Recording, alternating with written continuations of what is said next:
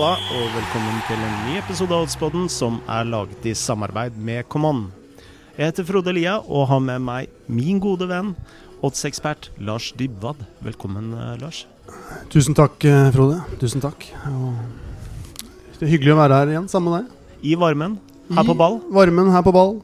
Klar for en ny EM-dag og klar for den eh, hva skal vi si, første, siste runden av gruppespillet. Ja, og da er det jo en del ting man må ta ekstra høyde for. Eh, motivasjon er kanskje én ting. Ja, det, det Man må få håpe at lagene er motiverte her i, i EM uansett, men det er klart at uh, tabellsituasjonen her spiller jo litt inn. Det kan både spille inn motivasjonsmessig og så er det jo lett også å lese en sånn taktikkerier der, da, men det er mulig at det bare er noe vi eller jeg som observatør gjør. da, i forhold til at det er fordelaktig å komme på den og den plasseringen osv. Men, uh, men uh, det er klart, nå, nå vil jo fort lag som allerede er videre, kanskje vurdere å rotere en del. Mm. Det har vært uh, to tøffe kamper for de fleste på relativt kort tid. Og de lagene som har ambisjoner, de skal spille fire-fem kamper til. Så det kan nok være fristende å, å rotere litt. Så det er uh, aktuelt å sjekke lagoppstillingen kanskje før man setter innsatser nå mer enn tidligere. da. Mm. Og særlig målskårerspill bør man kanskje være mer forsiktig med å sette før eh, lagoppstillingene er klare. Ja, absolutt. Uh, samtidig som man kanskje kan gjøre noen gode kjøp der, hvis man klarer å snappe opp at en eller annen luring sannsynligvis spiller før resten av oddsmarkedet. Det er selvfølgelig ikke lett da, på et så Mm. transparent marked som det EM tross alt er, men men uh, ofte så tar det jo Ofte så vil jo disse store, store spissene annet uh, stå priset veldig lavt, uh, uansett om det er sannsynlig at de spiller eller ikke. Og da kan man kanskje få en bedre pris på den som uh, eventuelt tar plassen, da. I oddsverden og i verden for øvrig så er det veldig mange sannheter som uh, ikke alltid uh, stemmer. Og um, hvis du går tilbake til 2008, så var eh, Av de store lagene så roterte alle eh, sine lag da i, i, i sluttrunden i 2008. Og samtlige lag snubla da i første 16-delsfinale. Ja, øh, så det kan man jo ta med i betraktningen. Kanskje noen har lært av det. Det, det er jo selvfølgelig en, øh, en motargumentasjon mot dette med å rotere. Er jo at du kan miste flyten litt. Og, og ja, kanskje mm, disrupte, da. Godt norsk ord. Forstyrre det du har på gang. Hvis du Mm. gjør for mye endringer og, og, og surrer ting til. Så det, ja. 2008 er et fint, er et fint eksempel å trekke frem. Og nå spiller vel eh, alle gruppene fremover eh, på samme dag. Så i dag så spiller da Italia mot Wales og Sveits mot uh, Tyrkia. Og uh, Italia er jo nærmest klare, eller de er klare. Ja, de, de, nå spiller de jo som seg hør og bør på, på samme dag og også på samme tid, sånn at det ikke skal være mulig å, å legge altfor mye taktikk i dette. Uh, Italia har jo seks poeng. De er jo selvsagt videre, som, uh, uansett hva som skjer. Men de møter jo da Wales, som har uh, fått fire poeng, og blir jo da tatt igjen av Wales om de skulle tape denne kampen. Eh, nå kan man eh, si at det kanskje ikke er noen sånn stor ulempe å bli nummer to i denne pulja, for uh, uh, det blir fort Belgia i, i åttendelsfinalen Eller i kvartfinalen, blir det vel kanskje, det, for det laget som, som vinner denne gruppa. Så vi har jo vært inne på dette litt før i gruppegjennomgangen, at hvis man hvis man tok bort alt som var av publikum og lagmoral og menneskelige faktorer, så hadde man kanskje lagt seg på en annen plass her med vilje hvis man hadde den kontrollen, da. Men eh, Italia i Roma kan jo ikke, kan jo ikke gjøre det, vel. Eh, i, uh, jeg må jo si at uh, Italia er et av de lagene som har imponert meg mest i, i mesterskapet. De har rett og slett spilt glitrende og har vist en vinner, vinnervilje som har gått uh, utenpå det meste annet. Ja, Men- ja, ja. Uh, likevel 1,45 i odds uh, på Wales, eller mot Wales. Der, der eh, merker vi jo at eh, denne usikkerheten i motivasjonen er prisa inn. Ja, øh, ja, ja, men er den prisa igjen nok når det er fortsatt er 1,45? Uh, her vet vi ikke så mye om hvordan de tenker. Uh, I forhold til uh, laguttak, hvem som skal spille denne kampen, uh, motivasjonen osv. Vi vet at Italia spiller hjemme i Roma, og at de har en fryktelig god flyt som de har sannsynligvis er godt opptatt av å videreføre. Samtidig så betyr ikke denne kampen all verden for dem. Og hadde vi snakket om Italia fra ja, ikke så mange år tilbake, så hadde jo nærmest satt pengene for lengst på uavgjort her. At det blir en sånn kjedelig 0-0-forestilling hvor de gir en del, andre, en del spillere sjansen. Manzini er jo flink til å snakke opp laget sitt som en, som en tropp her. Det er ikke en førsteelver osv., men han har jo ikke rotert noe enda. Han brukte vel ti av de samme elleve, tror jeg, i, ja. mot uh, Sveits, som han brukte mot Tyrkia. Så det kan vel hende han føler at han er nødt til å gjøre en del rokeringer i denne her, samtidig som han selvfølgelig ikke vil ødelegge den ekstremt gode flyten Italia er, er inne i nå. Da. Mm. Så det blir litt mye sånn spekulasjoner rundt dette her. da. Vi kan vel kanskje anta at uh, Cellini uh, står over. Fikk seg jo en uh, karamell. Ja.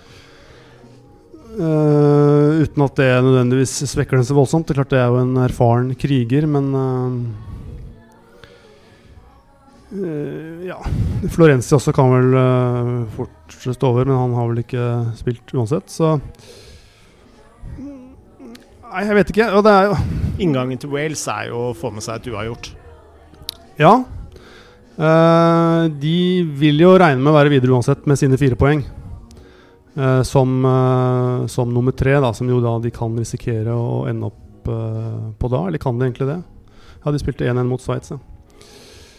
Så, så, da blir det komplekst i forhold til den andre tredjeplassen hvis, uh, hvis Wales skulle tape her og Sveits uh, vinne. Så det er klart uh, Ett poeng er hyggelig for Wales, men jeg tror ikke det er noe must.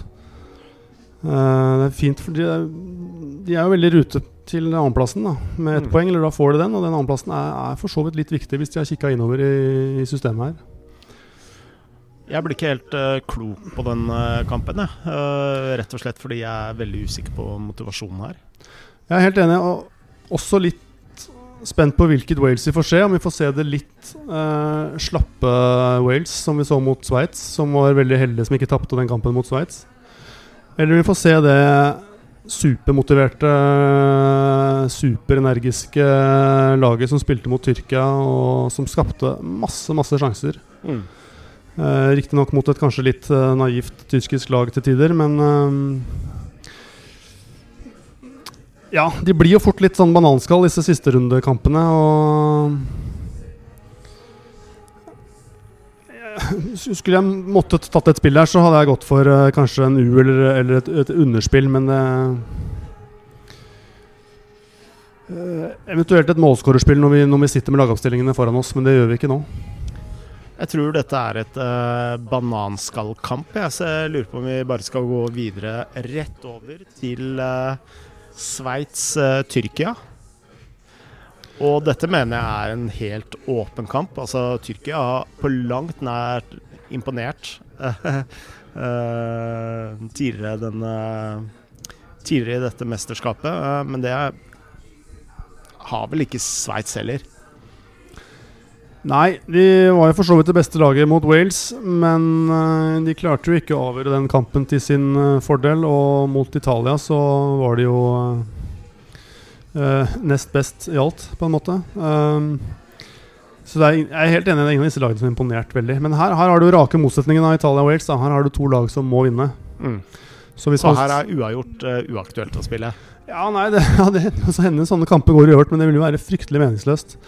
Uh, da blir jo Switzerland, da, eller Sveits Da blir de nummer tre med to poeng. Og det ser vel ikke Nå er det litt tidlig å spå om tredjeplassen enda, men vi skal jo ha fire av seks videre. Men to poeng blir vel litt, uh, litt tynt mm. til å gå videre. Så det vil være nokså meningsløst. Så det er klart uh, Tross at vi vel har forelsket oss i Italia, så er det vel kanskje denne kampen man burde se på fjernsynsapparatet. For det, her blir det nok drama fra